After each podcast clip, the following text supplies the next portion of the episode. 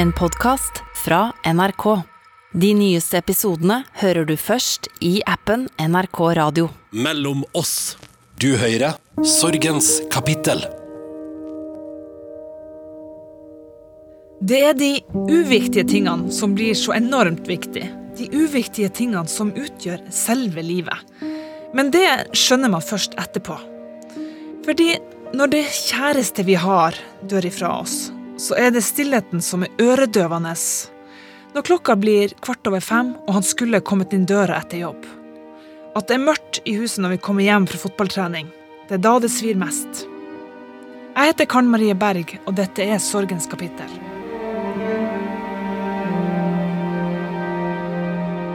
Sunniva Gylver er nettopp et slikt menneske, som elsker de små tingene i livet.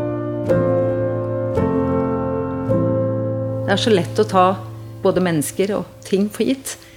Men å, å erkjenne, helst hver dag, eh, hva jeg har å takke for, hva jeg har å være takknemlig for, det er eh, kilde til mye hverdagsglede.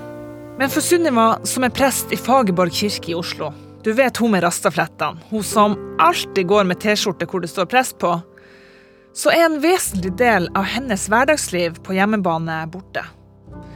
Fordi i sommer døde mannen hennes gjennom hele hennes voksne liv ifra henne. Lars Kristian fikk påvist kreft i juni i fjor, og han døde i juni i år. Jeg hadde en fantastisk mann. Han var jo for det første helt objektivt utrolig kjekk. Sexy håndverker i alle stereotypier av ordet. Og denne ultraløperen som var tøffere enn toget, men ikke hadde behov for å skryte av det. Og den som samtidig kunne felle tårer når vi satt og så Tarzan eh, med ungene. Eh, og så var utrolig teknisk og handy og kreativ og alltid skapte de fantastiske bursdager og halloweenpartyene med barna. Han var så leken. Unger elsket ham. fordi det var jo ikke påtatt. Jeg er jo litt sånn, jeg kan lese høyt og sette på plaster og synes det er gøy å prate med barn, men jeg er ikke noe leken. Han herjet og lekte og elsket det selv. Og så var det det energi og utstråling som jo tok rommet. Og det å da kunne stå i den andre enden av rommet og se på han og bare kjenne hjertet slå litt raskere, også etter 20 år, og tenke han er min og jeg er hans, det var jo helt fantastisk. Men hvem ble du sammen med han? Ja, Det er et godt spørsmål, og det sier jeg jo alltid til barnet jeg vier. At uh, det er viktig at du ikke bare liker og elsker og beundrer den andre, men du må også like deg selv som den utgaven du blir sammen med din kjæreste. Um, jeg tror jeg ble en eh, enda bedre utgave av meg selv, fordi han hadde rom for, og han elsket at jeg var mye og hadde energien og gleden og den tette kalenderen og opp og ned og hæla i taket. Samtidig som han begrenset meg litt, så jeg måtte gå litt saktere. Tenke litt saktere, snakke litt saktere. Og det tror jeg hadde innmari godt av. Og jeg husker at etter noen måneder så snakket jeg med en venninne noen måneder etter at jeg var blitt uh, gift med Rashistan og bodde sammen. Og så sa han 'Følger du ikke med, eller? Du sier jo ingenting'. Og så måtte jeg si til henne at vet du hva, jeg er jo vant til alltid å på en måte ja, ja og snakke og på en måte fylle ut. Mens Lars-Kristian, hvis jeg gjør det, så slutter han å si noe. Eh, og jeg har nok godt av å av og til eh, på en måte være, sørge for at det ikke går for fort for alle andre, selv om ikke jeg er stressa.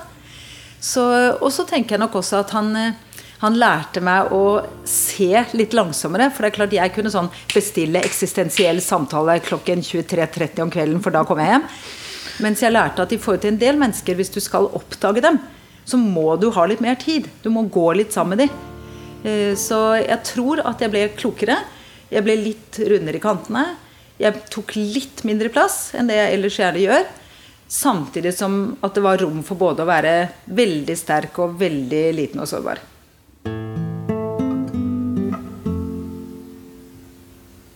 Sunniva, du og Lars Kristian dere var jo utrolig unge da dere møtte hverandre. Du var 20, han var 21.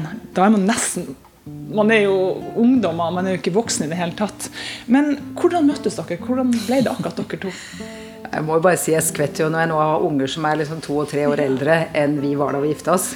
Og tanken på at de skulle liksom gjort det nå, er jo helt fjern. For nå ligger det fortsatt unger inne på soverommet og, og drikker O'boy. Ja? Kunne vært gift. Nei, nei, nei, det går ikke. Nei, så det, For å gjøre en lang historie kort, som man pleier å si, så eh, var det rett og slett sånn at eh, jeg hadde vært eh, kjæreste med en i det samme ungdomsmiljøet ute i Asker som Lars Kristian kommer fra. Så jeg kjente jo litt folk der. Og så var det en av dem som skulle komme hjem etter et år i USA på selveste sankthansaften i 1987. Og så tenkte jeg at eh, da må jeg dra ut, tilfelle ingen er der når det er ferie og sånn. Og så var det jo mange andre der, og bl.a. da Lars Kristian. Og vi ble satt i hver vår ende av et stort banner hvor det sto 'Velkommen hjem, Harald', så folk trodde det var eh, kongen. Eller hva han da er. Men eh, det var det jo ikke. Og da begynte vi bare å prate da, mens vi sto i enden av hvert vårt banner. Og det bare gnistret. Og så spurte jeg om han ville sitte på i min gamle Toyota eh, på vei ut til der man skulle ha samling etterpå. Og det var et under at vi ikke krasja, for jeg så jo ikke på veien. Jeg var helt borte. Og så, eh, når vi kom ut dit, så måtte jeg dessverre Jeg hadde liksom lovet meg bort på noe annet, og jeg angret jo som en hund, men jeg er jo flink pike. Så jeg dro nå på det andre stedet, men tenkte jo ikke noe som helst på der jeg var. Og så eh, ringtes vi, og så spurte jeg om han ville komme på besøk. Og var jo helt i fistel og ute av meg selv eh, når han da kom hjem til meg, hjem i oppveksthuset mitt, hvor jeg da bodde. Og så dro han i militæret. Og da hadde vi altså møtt hverandre én gang. Um, så det ble brev. Det var jo det man drev med på den ja. tiden. Brev og telefon. Det er så eh, romantisk. Eh, og så kom han hjem på en perm. Det var helt fantastisk, det også. Snakket om alt mulig rart. Jeg husker jo ingenting. Og det var jo veldig mye vi ikke visste om hverandre, selvfølgelig. Eh, viste det seg etterpå. Den tredje gangen eh, vi traff hverandre, var hjemme hos meg i Fagbogata. Eh, og vi var fortsatt ganske forelsket og fnisete. Og så plutselig så stopper Lars Kristian opp og ser på meg, og så sier han Sunniva Didriksen, vil du gifte deg med meg? Og jeg begynner å le, da. Og så sier han 'Jeg mener alvor. Vil du gifte deg med meg?' Og så sier jeg 'Ja'. Og så går vi ut og kjøper ringer. Så det var jo eh, starten. Og eh, jeg vil jo ikke anbefale den framgangsmåten, for det var mye vi ikke visste om hverandre, for å si det sånn. Hæ? Tror du ikke på Gud? Stemmer du ikke ved valg? Hva? Ehm, så det ble mange runder og mye greier. Men det er klart det ble innafor en setting hvor vi hadde valgt hverandre veldig, veldig sterkt. Um, og jeg tror kanskje at ellers hadde vi aldri blitt gift. For vi er veldig forskjellige, eller var veldig forskjellige sånn i forhold til hvordan vi bruker dagene våre, engasjerer oss i samfunnet og sånn. Men vi hadde nok, vist det seg, veldig sammenfallende verdier rundt hvordan skal vi være overfor menneskene vi møter, hva slags foreldre vi vil være, viste det seg etter hvert. Uh, og det er ganske viktig. Så, så um, det ble jo en veldig fin historie, og jeg tror nok som den jeg er, at det var fint at det startet med bare å bli liksom blåst av banen. Og lidenskapen. Um, at det ikke gikk sånn sakte og pent. For det at man blir jo betatt av andre i løpet av livet. Og jeg kunne jo liksom bli det og se folk, og så kunne jeg vite vet du, den passion og lidenskap som jeg møtte i møte med Lars Christian, den er det ikke mulig å overgå. Selv om innimellom du ikke henter fram alle de gode følelsene på en tirsdag morgen, liksom.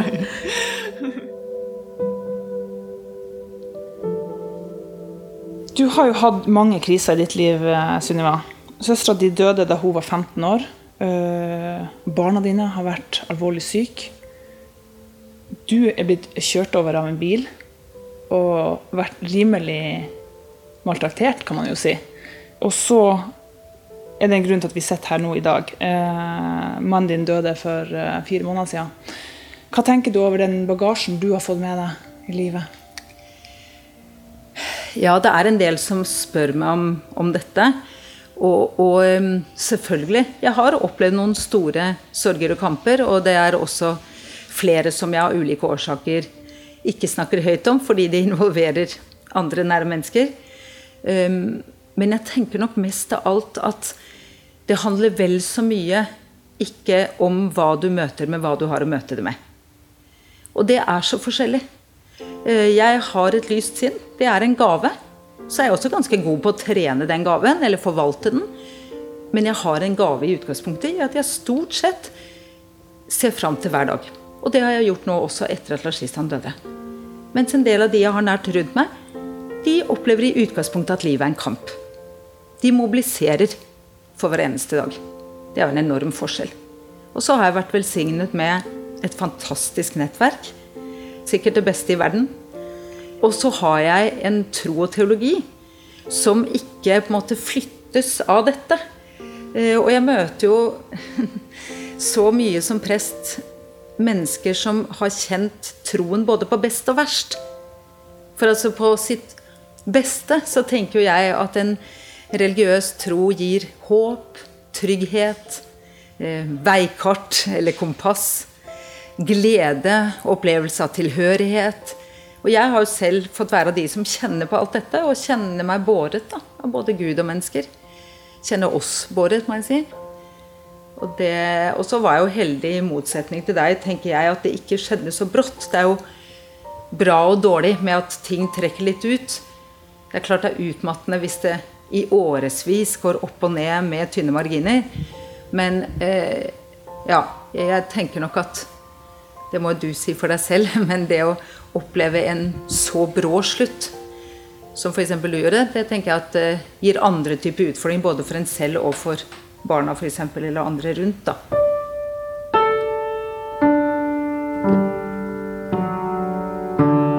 Siden juni i fjor har du og familien levd i fullstendig unntakstilstand. Kan du ta oss tilbake til våren i fjor?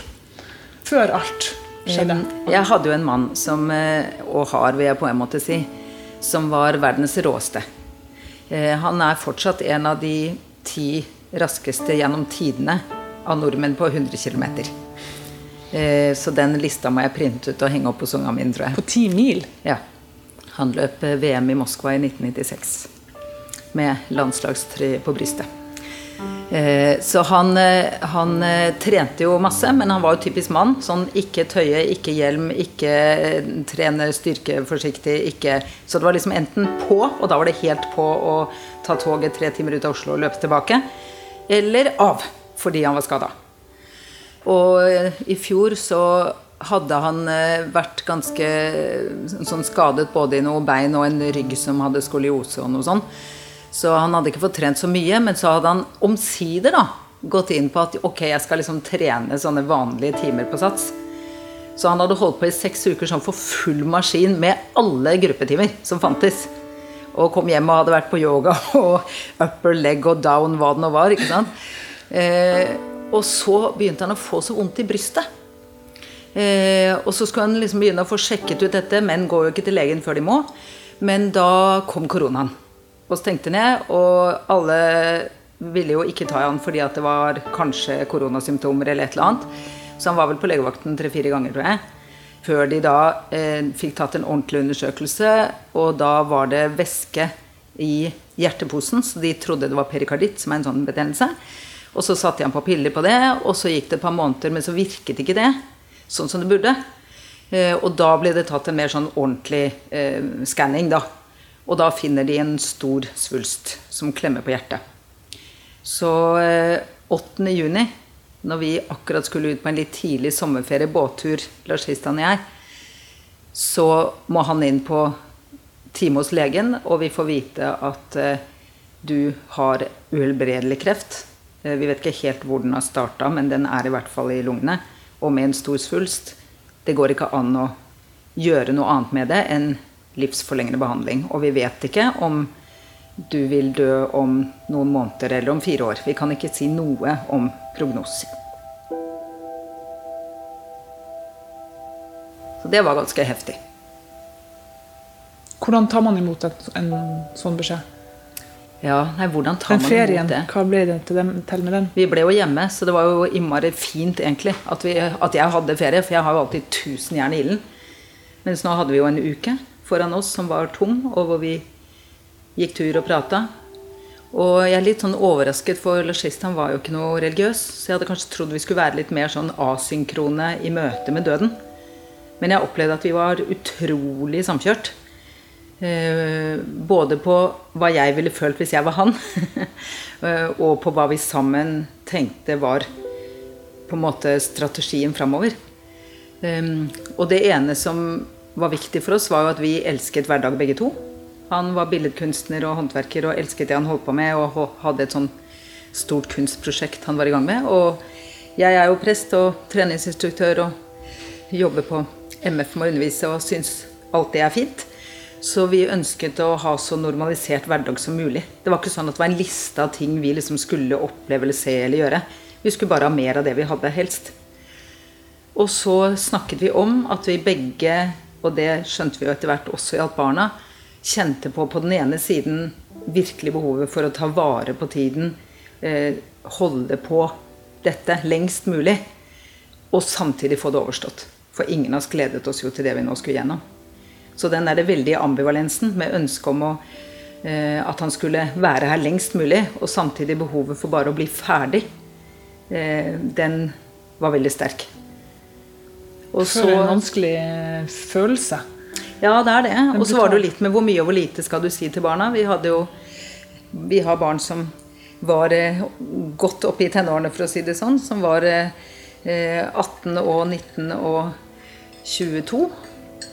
Og på vei ut Det er noe med at da skal de forlate foreldrene, ikke foreldrene forlate dem.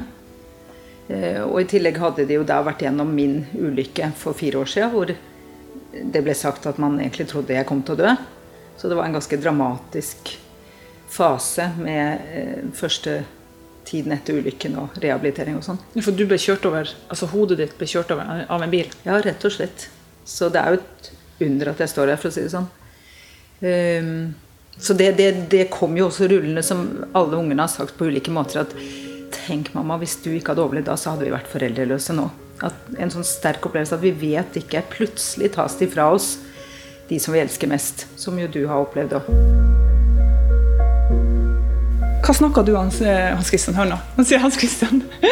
Hva snakka du og Lars Christian om eh, da dere fikk Da dere skjønte at dette her ble eh, Hans liv skulle stoppe, og ditt liv skulle gå videre? Altså Det var jo på en måte litt vanskelig, fordi vi visste jo aldri når vi gikk inn i den siste fasen. Så, så, og vi kan jo ikke liksom i fire år snakke om at nå skal du snart dø.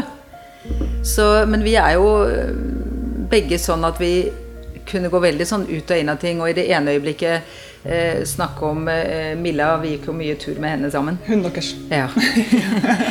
og, ikke dattera, det er hun.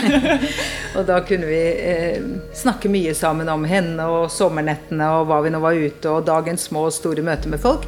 Og så kunne Lars Kristian si du, du må få deg en mann etter jeg er borte.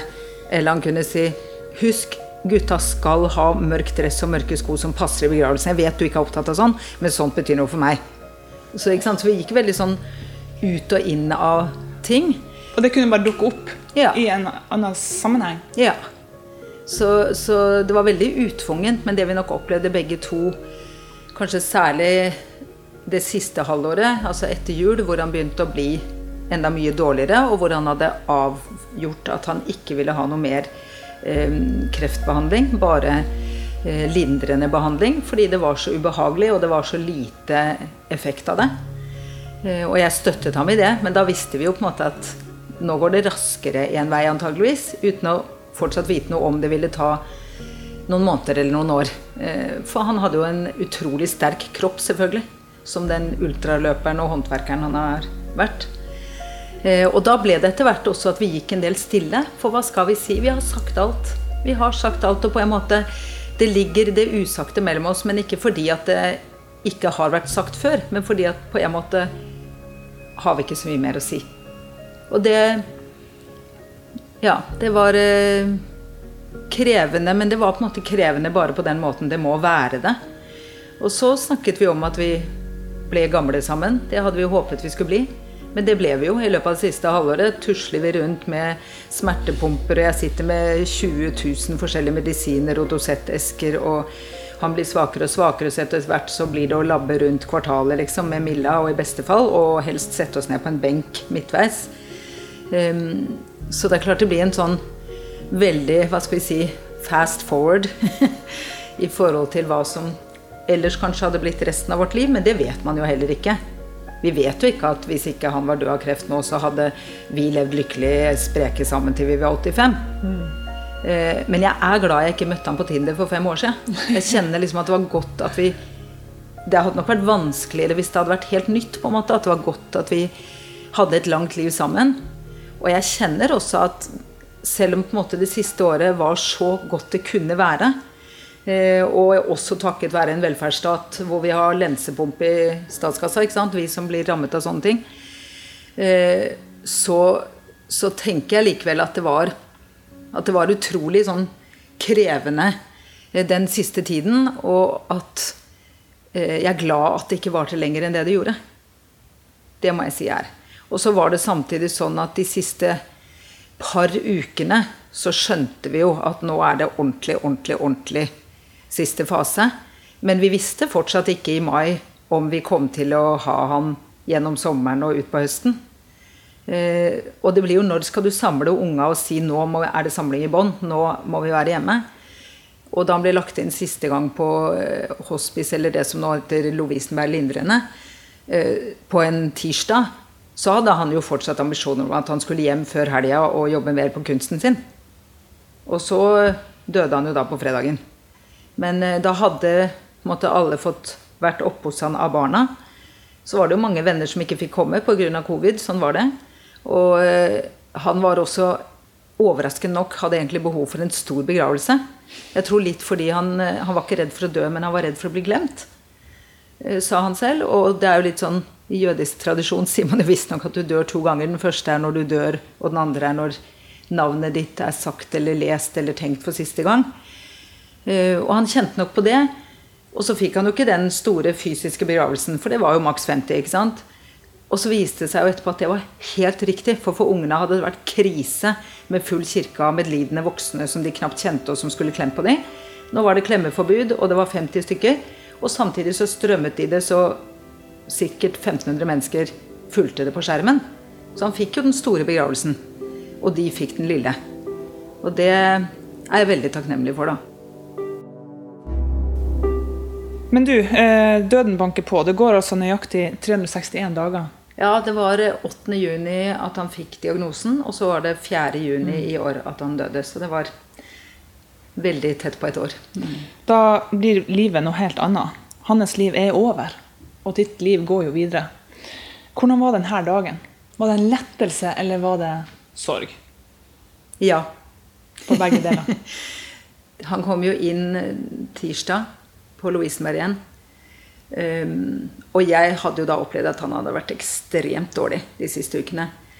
Uh, veldig tungt medisinert på morfin. I sykehus, sykehusseng hjemme, men hadde jo knapt sovet. Altså verken dag eller natt, fordi at uh, denne svulsten klemte på hjertet, så han fikk jo ikke puste. Uh, så det har vært en enorm sånn rastløshet og uro sammen med en total utmattelse. Eh, selv i dette så var han den nydelige mannen jeg kjenner og elsker. Men det var ekstremt krevende å se han ha det sånn, og være redd for at han skulle falle og kollapse hele tiden. Så jeg var glad da han kom inn igjen, selv om jeg visste at det også var krevende for han. Og da de hadde observert han et døgn, og han ba om klart svar, så sa de du kommer ikke hjem igjen. Vi kan ikke bestemme det, men du kommer ikke hjem igjen herfra. Og da tror jeg han Eller da vet jeg at da kjente han at da, da legger jeg ned. Garden. ja. Og så spurte han hva skjer da, og de snakket om hva trenger du da. Han sa noe om at han var redd for det å ikke få puste og få enda mer angst enn det han jo hadde hatt på slutten når han ble så dårlig. Eh, og hvor de sa at vi kan øke de lindrende medisinene og lindrende dosene men det vil føre til at da kommer du inn i en kunstig koma så du ikke våkner igjen. Og det ble vi enige om at ja, da må det bli sånn. For nå eh, Det går ikke sånn det er nå. Og hvis det blir høyere doser, så kommer han ikke til å våkne igjen. Og da visste jeg jo på en måte at ok, da, da er det sånn. Da skjer det i morgen. Og da går jo presten inn og lager regi. Når skal vi ringe venner? Når skal vi ringe familie? Når skal barna komme opp og snakke med legene og sykepleierne først? Og så vi alle sammen.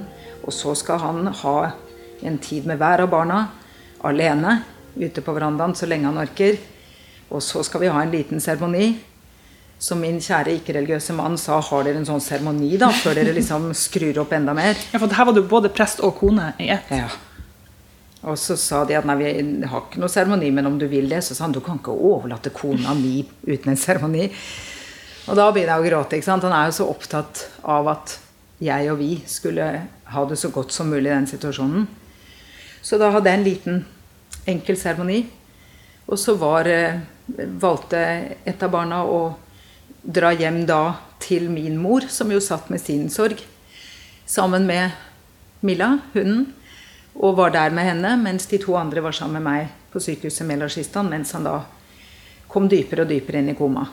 Og det tok tid, og det var en krevende ettermiddag og kveld, men også, også veldig fin.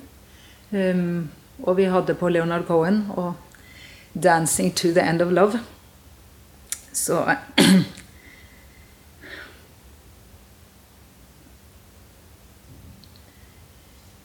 Så da prøvde jeg å holde ham oppe hver gang han da reiste seg og reiste seg igjen fordi han ikke fikk puste. Så rugget vi litt, og så prøvde jeg å roe han til å legge seg ned igjen. Og til slutt så fikk han ro. Og så sovnet han inn da på sånn helt ordentlig på morgenen på fredag.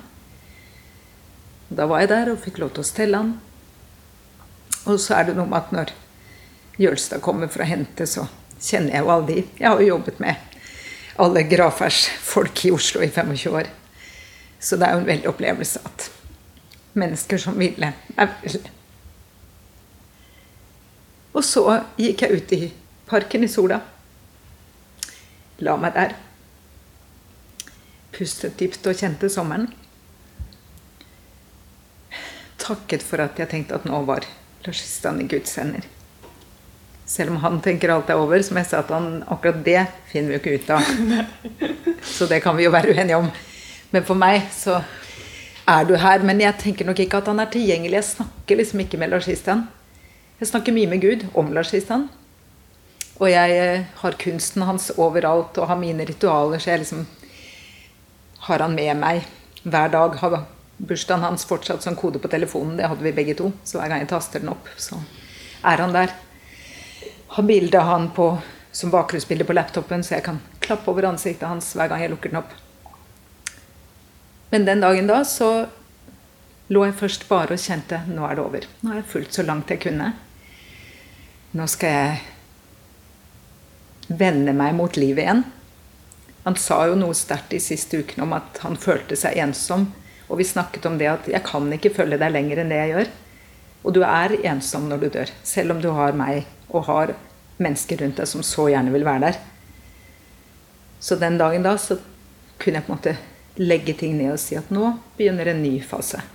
Og så var det å ringe begravelsesbyrået og kirka og fastlegen og Men ikke sant, igjen er jeg jo veldig heldig at uh, jeg møter jo mange som kaver og gruer seg for begravelsen.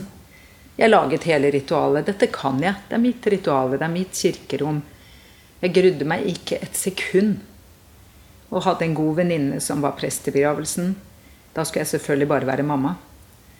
Um, men jeg hadde stålregi på den. så, og så um, Da den uka var over, så hadde jeg i utgangspunktet ferie. Så da gikk jeg i ferie. Uh, og fikk med meg barna på noen dager felles samling. De var litt blanda på om de egentlig orket det. Men jeg sa at vi er nødt til at det ikke skal bli sånn at vi ikke kan møtes, fordi at da tenker vi bare på pappa. Så akkurat nå så må vi være sammen noen dager og etablere på en måte den nye familien. Og så må vi kunne snakke om pappa så han ikke er elefanten i rommet. Dere skal ikke måtte snakke dere, men jeg kommer til å nevne han og referere han og snakke om han. Fordi han må kunne være med på den måten. Da hadde vi noen veldig fine dager i lånt hytte på Hvaler. Og så dro ungene litt på hvert sitt sted, og så hadde jeg noen dager eller en uke med hver av barna i løpet av sommeren. Ut fra det de ønsket. På en festival, på venne- og familiebesøk. Og så begynte jeg å jobbe når jeg skulle begynne å jobbe, skal jeg si. Fordi det i slutten av juli. Eh, full tid. For det var eh, Det tenkte jeg det er det aller beste for meg. Har du godtatt det. At han kommer ikke inn døra her. Han eh, skal ikke lage seg kaffe på kjøkkenet ditt deres lenger. Ja, jeg føler nok at jeg godtok det med en gang, men det betyr ikke at jeg nødvendigvis har forstått det helt. Jeg tenker at kroppen vår er litt sånn laga at den tar inn I hvert fall hvis vi har fått lov til å gjøre ting litt på våre egne premisser. Og blitt formet og dannet med respekt for grensene våre og alt dette. så tenker jeg at kroppen vår er ganske klok. At vi tar inn en sånn type sorg i biter. For hadde jeg skulle ta inn alt på en gang, så hadde jeg klikka. Jeg vet at mange sørgende opplever at de, de lurer på at de begynner å bli gale. Og jeg tenker Det er fordi det er egentlig helt massivt å skulle ta det inn.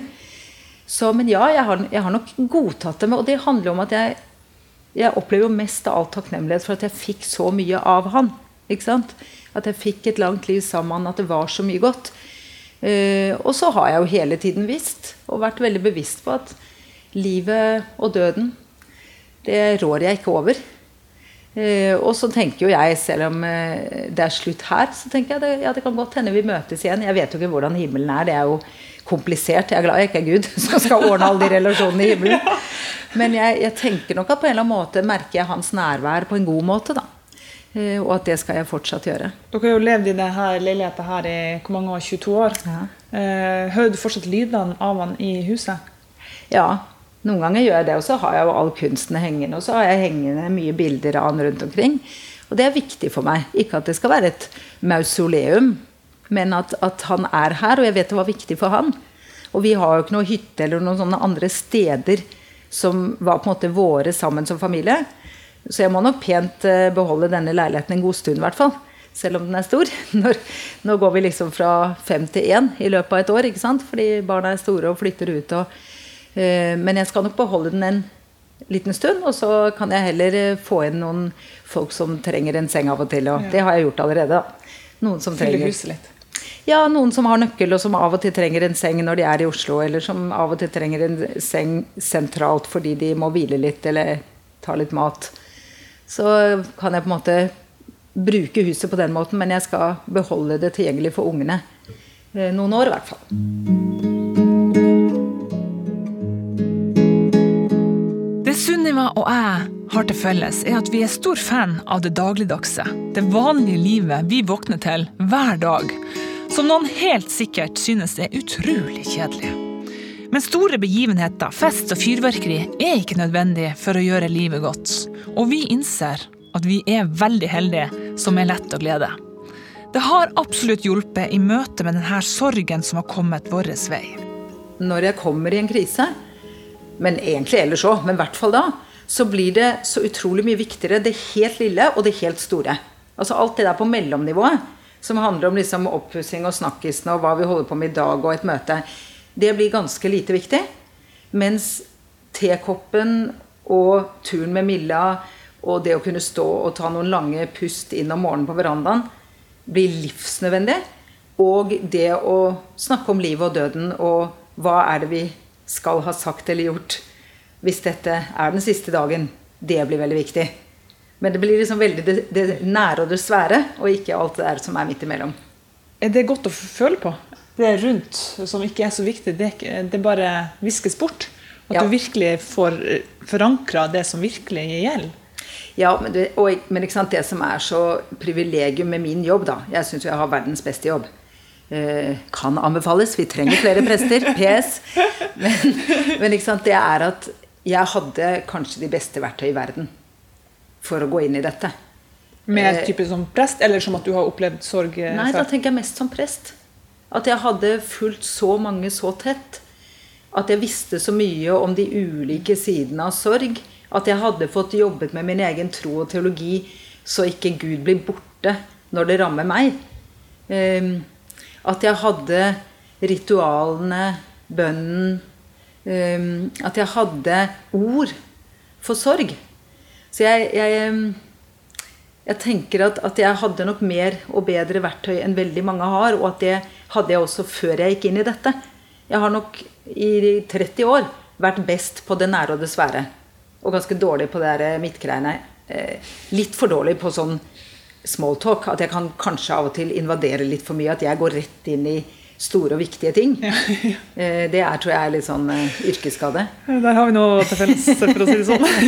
Du kommer ikke unna uten å ha den type samtalen med meg hvis du sitter bords med meg. Nei, og du sitter vel og spør de òg, siden ja, du er journalisten. Jeg elsker de gode, grundige samtalene. Så det kan jo være slitsomt for folk, da. Men det gjør jo at vi står bedre. Det handler jo tenker jeg, om den derre eksistensielle beredskapen. ikke sant? Jeg tenker Vi har snakket mye om beredskap de siste par åra. Men den beredskapen vi jo ikke snakker om, det er jo den eksistensielle. Som handler om å nettopp ha tenkt igjennom hva er viktig og mindre viktig? Hva bærer meg når alt annet faller? Hva lener jeg meg på? Hva er jeg villig til å stå opp for? Hva knytter jeg håpet mitt til? Eh, hvilke spor skal jeg sette? Og jeg må si, Det er litt interessant i møte med det at Lars Kristian var redd for å bli glemt. For jeg for min del, det er akkurat der tror jeg liksom forskjellen mellom meg og han, og som jeg tror tilskriver da, litt troen min, at om ikke noen snakker om meg dagen etter jeg er død, så tenker jeg det er helt uproblematisk. Men mens jeg er her, så skal jeg sette så gode spor jeg kan. Jeg er veldig fornøyd, for jeg tror det eneste jeg kommer til å bli sitert på i mitt liv, hvis jeg blir sitert etter jeg dør, det er to ting. Det ene er midt i alt som er. At jeg alltid sier god helg, god sommer, god jul, god søndag, god kveld. Midt i alt som er. Og det handler om å signalisere en anerkjennelse av at jeg ønsker at denne helgen skal være god for deg, men jeg vet jo at det er tusen ting som gjør at den ikke er bare god. Og likevel ønsker jeg lys og lindring og kraft inn i dagen din. På en kort måte kan jeg få sagt noe om kompleksiteten, da. Og det andre er at uh, gresset er ikke grønnere på den andre siden, det er grønnere der det vannes. Og som sånn totalt fri for grønne fingre, så er jeg veldig fornøyd med å ha et sånt uh, bra gartnerråd. Men det er jo sånn at, at vi må pleie um, de tingene som betyr noe for oss, de relasjonene og menneskene som betyr noe i våre liv, og som vi betyr noe for. Vi må rett og slett bruke tid og krefter på det. Hva tenker du at sitter mest igjen du har lært etter alle Nå har jo du snakket med så mange som har mistet noen eh, etter at du selv mistet. Hva, hva er på en måte det som sitter mest igjen? Det er livsgleden til folk. Ja. Helt utvilsomt. Den gleden over det livet vi har å leve. Eh, vi som er igjen at uh, dette livet det skal bare leves. Vi må bare ikke kaste bort dagene. Og vi må bare vise for de rundt oss, de som vi faktisk er glad i, de som vi ikke er glad i, vet du hva, de får bare seile sin egen sjø. For her må man bare uh, ja, i hvert fall ut ifra de jeg har møtt, liksom, her må vi fokusere på folkene rundt oss. liksom. Det er litt interessant inn i dette, for jeg snakket jo med fotografen uh, før vi starta i dag at nei, vi må ikke ha for glade bilder. Mm. Uh, og jo, vi snakket om det at jo, vi må også vise at det å sørge og det å fryde seg over livet går an å gjøre samtidig. For det er jo mye konvensjoner på, eh, og dette var jo noe av det jeg først eh, skrev om offentlig etter at Lars Kristian døde, og som jeg fikk enormt mye tilbakemeldinger på. At det er faktisk sånn at ikke nødvendigvis sorg er at du gråter maksimalt første dagen, og så lineært mindre og mindre, og så etter tre måneder er det over. Eh, det er faktisk sånn at kanskje gråter du mest den første julaften eller når eh, det kommer en dåp eller et bryllup eller noe hvor den andre så gjerne skulle vært til stede. Eh, eller bare når du selv etter ti år er utslitt, liksom. Det, det kan være så mange situasjoner som er vanskeligere. Og at sorgen ofte liksom feier inn som en bølge litt sånn brått og uventa. Du vet selvfølgelig noen merkedager blir krevende, men det kan også være plutselig når du ser noe, lukter noe, hører en sang som på en måte bare bringer han inn for fullt, og du tenker åh, nå skulle du vært her. Mm. Skulle jeg få sett deg bare én gang til, tatt på deg én gang til, hørt deg si 'jeg elsker deg' én gang til. Eh, og da tenker jeg at det, det, er et eller annet med å Jeg dro ned til Tjuvholmen ikke sant, og bada dagen etter at Lars Kristian var død. Og så sitter jeg nede i fantastisk sommerdag blant alle disse 22,5-åringene, og så tenker jeg hvis nå noen har lest den statusen jeg da hadde lagt ut, og kjente meg igjen, ville det være greit, liksom? At de så meg der nede? Og så måtte jeg tenke at hvis jeg som profesjonell sorgarbeider tenker litt sånn, hva da med alle andre? Og da blir det viktig for meg å si noe om det. At selvfølgelig skulle jeg gjøre det. Hvis det var det jeg trengte da. Det handlet jo ikke om at jeg ikke elsket ham nok eller ikke viste respekt for at han var død, men det handlet om at jeg visste at nå skal jeg pokke meg inn i et kjempehardt sorgarbeid. Så nå må jeg virkelig hente krefter der jeg kan. Men jeg tror jo at mange ikke ville gjort det. Jeg vet at ja, mange for de hadde ikke tatt seg ut og være nei. Og at mange opplever at de eh, på en måte må oppføre seg eller si eller se ut på en eller annen måte. Og så blir det en litt sånn dårlig eh, hva skal vi si, effekt at en del voksne i hvert fall kommer da og sier hvordan er det med deg? Og jeg husker da Gunvor døde, da hun var 15 og jeg var 16. Søstera di. Ja, og hun døde 16. mai. Og 17. mai var eh, lillesøster, fem år yngre, og jeg på vei opp til Tolinell på Seter på Nordstrand og skulle kjøpe smågodt. Det var jo det store. Dobbel dose smågodt. Rusten spiker for fem øre, vet du. Og vi fikk jo fulle poser. Og så lo jeg kjempemye av et eller annet Johannes sa da, min lillesøster. Og så kommer det en voksen og sier 'Hvordan går det med deg?' Og jeg, Det er ikke sikkert de sa det sånn, men jeg hørte et slag i ansiktet.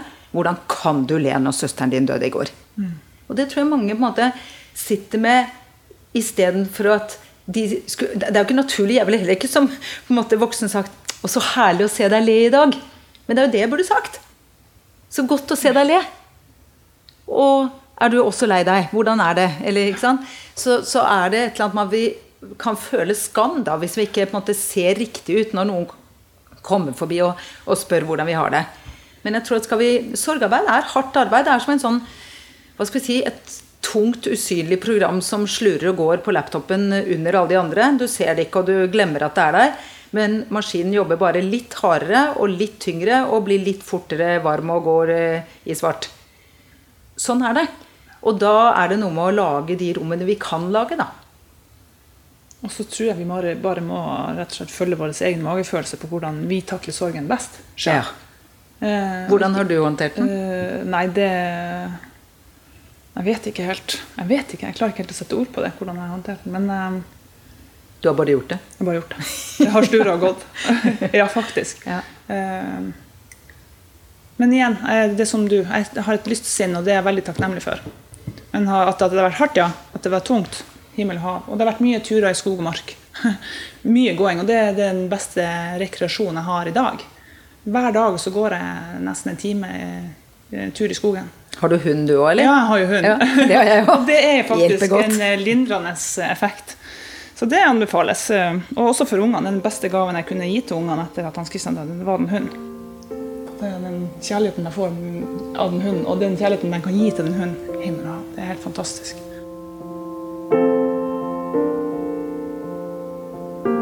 Det har ikke vært en trøst for meg, men eh, det har vært kanskje en litt sånn oppdragende effekt å tenke at det er andre som har det verre enn meg. Ja. Så her må jeg bare ta grep og komme opp av senga virkelig.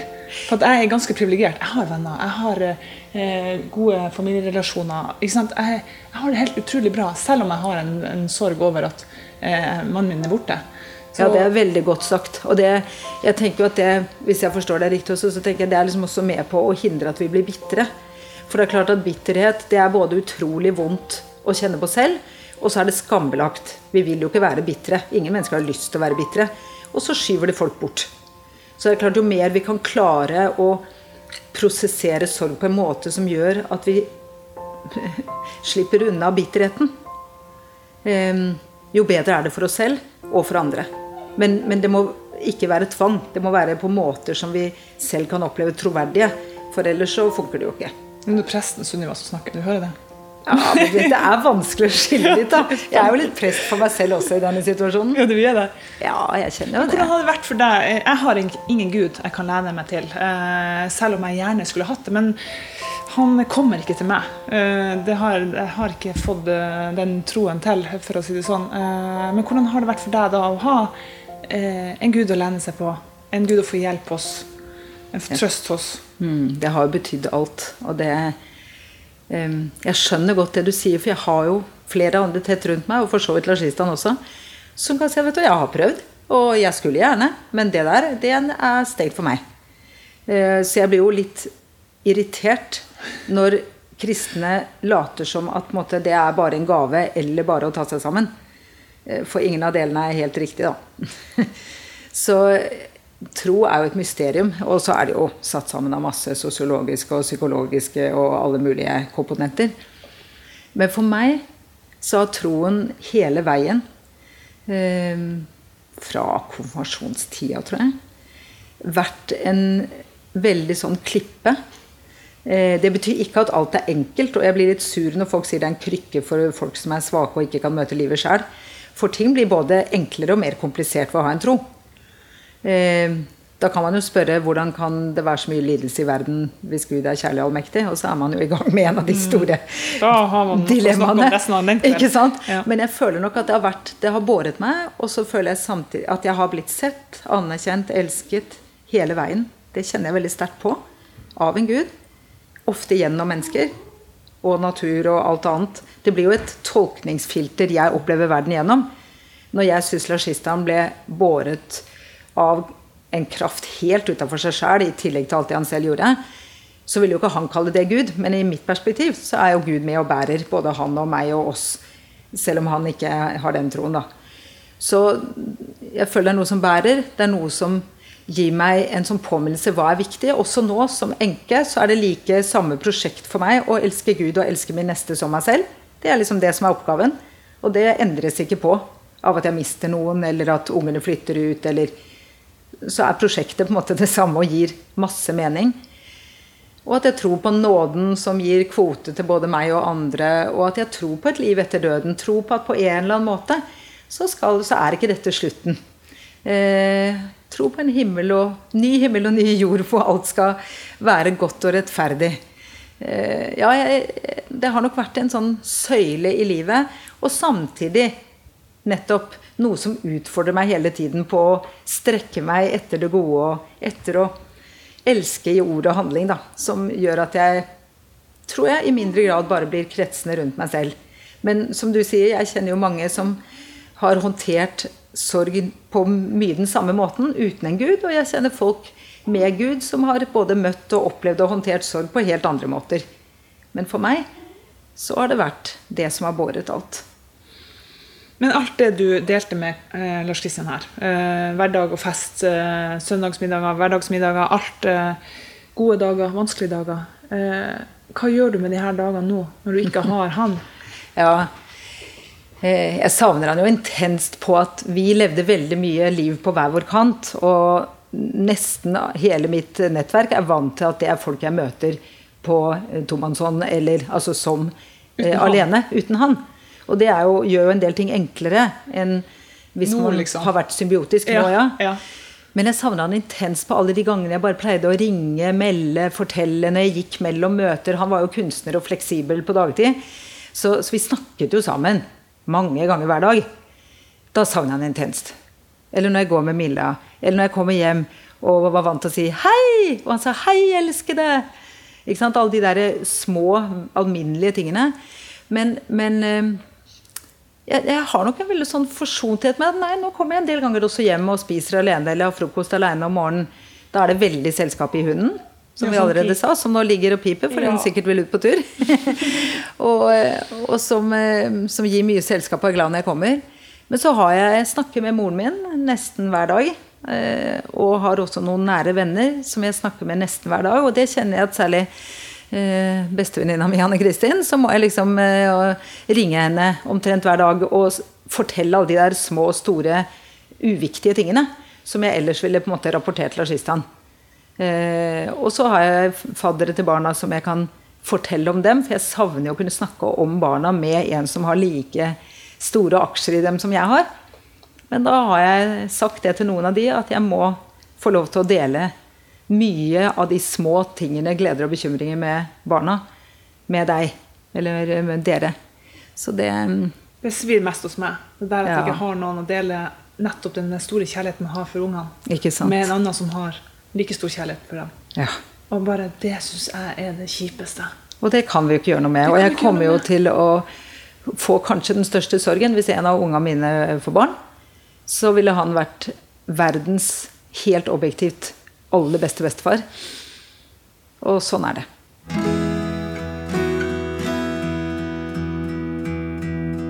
Vi har alle våre måter å komme gjennom sorgen på. Det er mange som kom til meg etter at min mann døde og mente at jeg var så sterk. Men jeg skjønte aldri helt hva det betydde, eller hva det innebar å være sterk. Men å være svak er også en styrke, tenker jeg. Og det er kanskje det som har gjort at etter syvende og sist har vært det andre har omtalt som sterk. For mitt svakeste ledd er ungene våre, og det har gjort meg til en løve. For alt jeg har kjært, er nettopp de to. Hvordan skal jeg forklare det? Det er ikke sånn for å skulle på en måte være flink i klassen til å sørge, men det er nok bare en veldig klar overbevisning om hva som gjør meg godt. Og jeg er nå den eneste forelderen til disse unga. Uh, og da jeg var i ulykken, så var det utrolig krevende for Lars Og de opplevde nok barna at han forsvant litt for dem en periode. Fordi han selv sørget så mye. Uh, så for meg har det vært utrolig viktig at de skal kjenne at nettopp med den kompetansen og erfaringen jeg har på sorg, så skal de være helt trygge på at jeg står der. Uh, og at når jeg trenger å lene meg på noen, så er det ikke dem jeg lener meg på. Men det kan godt hende at andre rundt meg skulle ønske at jeg på en måte lente meg litt mer. Eh, men jeg, jeg er nok litt sånn trygg på at jeg må gjøre det som er bra for meg. da. Og du har ikke det behovet? Jo, altså jeg, jeg kjenner jo Men jeg, jeg, er litt sånn, jeg går fort, snakker fort, tenker fort og gråter fort. Så hver gang jeg går på graven Jeg er jo der et par ganger i uka for å stelle og se at ting er i orden. Han ligger jo rett her borte. Så Milla og jeg er jo på tur der hele tiden. Og da må jeg alltid gråte, men kanskje i ett og et halvt minutt. Ferdig. Ikke sant? Og det, jeg skjønner jo at hvis man skal begynne å gråte og lure på om man ikke kan stoppe igjen, så vil det jo være mye større hinder å gråte. Mens jeg, sånn jeg sto og snakket med deg nå i stad, eller eh, snakker om noen av tingene, så kan jeg plutselig liksom kjenne at nå brister stemmen. Ja, og så er jeg ferdig med det. Og det er ikke fordi jeg opplever at det er for å flykte. og Det kan godt hende at jeg neste sommer må ta en hel full timeout. Det vet jo ikke jeg noe om. Men, men, jeg har nok veldig sånn tiltro til min egen magefølelse. Og jeg føler at jeg er så, det var så rart etter Lars Kristian døde egentlig før òg, så følte jeg var så tett på meg selv at jeg nesten skumpa borti meg selv på et vis. Jeg opplevde at jeg er tett på den jeg er, da. Det der å være enke, hvordan føler du det er å plutselig ha den merkelappen? Det var litt rart. Jeg husker da jeg gikk hjem etter at Lars Kristian var død den fredagen. Og så låste jeg meg inn hjemme. Og så tenkte jeg nå låser jeg meg inn for første gang som enke. Og da ble jeg litt sånn blåst av banen et øyeblikk. tenkte jeg Oi, det er en helt ny status. Og så tenkte jeg ja, og så er jeg fortsatt mamma, jeg er fortsatt prest, jeg er fortsatt venn, jeg er fortsatt datter, jeg er fortsatt skribent og treningsinstruktør, og jeg er fortsatt uh, er, Jeg merker at det er litt sånn rart de gangene jeg skal skrive det eller si det eller bli presentert som det. Uh, men, men, ikke noe veldig sånn emosjonelt, for det, det, er jo litt sånn det er. Nå, nå er det den statusen jeg har.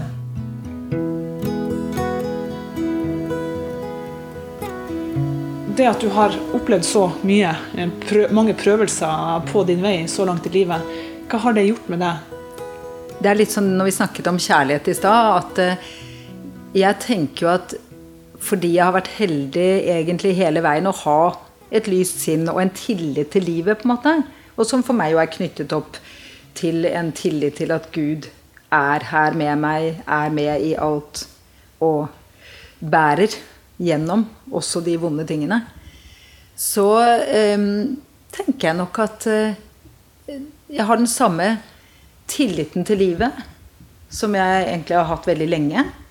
Eh, da jeg vokste opp, var jeg jo mye mobbet og utenfor og, og grudde meg nok mye til livet. Så eh, da var det veldig annerledes. Men fra jeg var på en måte ungdom, og i hvert fall ung voksen, så har jeg nok kjent mye på at eh, at det kan romme mye godt, og at selv i det vonde så kan jeg få spadd opp gode ting.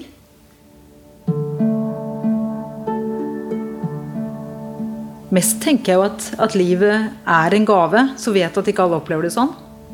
Men for meg er det en gave som jeg må prøve å ta imot og være i hver eneste dag. Og aktivt oppsøke det som gir glede og det som gir håp. Og det lærer jeg også av mange av de fine folka rundt meg. Eh, og det er uendret gjennom disse tingene. Så tror jeg jo selvfølgelig at de krevende tingene jeg har opplevd, har vært meg med på å gjøre meg til den jeg er. Og at jeg velger også å tro det. Eh, at det har gjort meg mer empatisk. At det har gjort meg mindre Severin suveren eh, og mer i stand til å også ta andres perspektiv.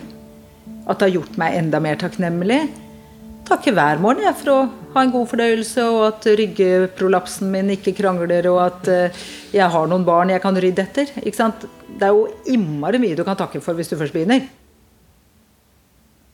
Men uh, Sunniva, kjenner du på noen gang at det at du elsker Lars Kristian så høyt, kan uh, gjøre det problematisk for fremtida di? For et videre liv med et nytt menneske senere? Jeg tenker nok Der jeg er nå, så tenker jeg at jeg tror ikke at jeg kommer til å leve sammen med noen igjen. Eh, men det er ikke noe skremmende. Eh, jeg har på en måte fått oppleve den store kjærligheten, og så skal jeg ikke låse meg på at det aldri kan skje. Men det er jo et eller annet med at når du er blitt 54 og har liksom fått oppleve fruktene av å leve sammen over så lang tid, hvor alle kommentarer og alle bevegelsessituasjoner har ikke bare dobbel, men tredobbel bunn, det kan jo være på vondt. Men for oss var det mest på godt. Vi forsto hverandre bedre, vi danset flere danser, for å si det sånn. Vi valgte våre kamper. Eh, ja, så jeg tenker at eh, lista ligger høyt, da. Og at jeg er jo sær. Man er jo sær når man har blitt såpass gammel og har vanene sine. Så eh, jeg prioriterer veldig å pleie nettverket mitt og de nære vennene mine. Eller jeg skal gjøre det enda mer enn jeg gjør, for jeg har jo lett for å lage full bok. Men, men jeg er ikke Jeg ble liksom ikke gift tidlig, og jeg har ikke levd lenge med Lars fordi jeg var redd for å være alene, eller fordi jeg ville være to, men fordi jeg elska han. Og så selvfølgelig når vi fikk barn, fordi jeg tenkte at uh, vi må bare satse alt på å leve sammen og skape et godt hjem med de. Men jeg, nei, jeg vil ikke si at det er blitt vanskeligere å elske. Jeg, min erfaring er jo at egentlig jo mer du klarer å elske, jo lettere kan det bli å elske igjen. Og jo mer vi holder tilbake fordi vi er redde for å miste, jo mindre sjanse er det for faktisk å elske.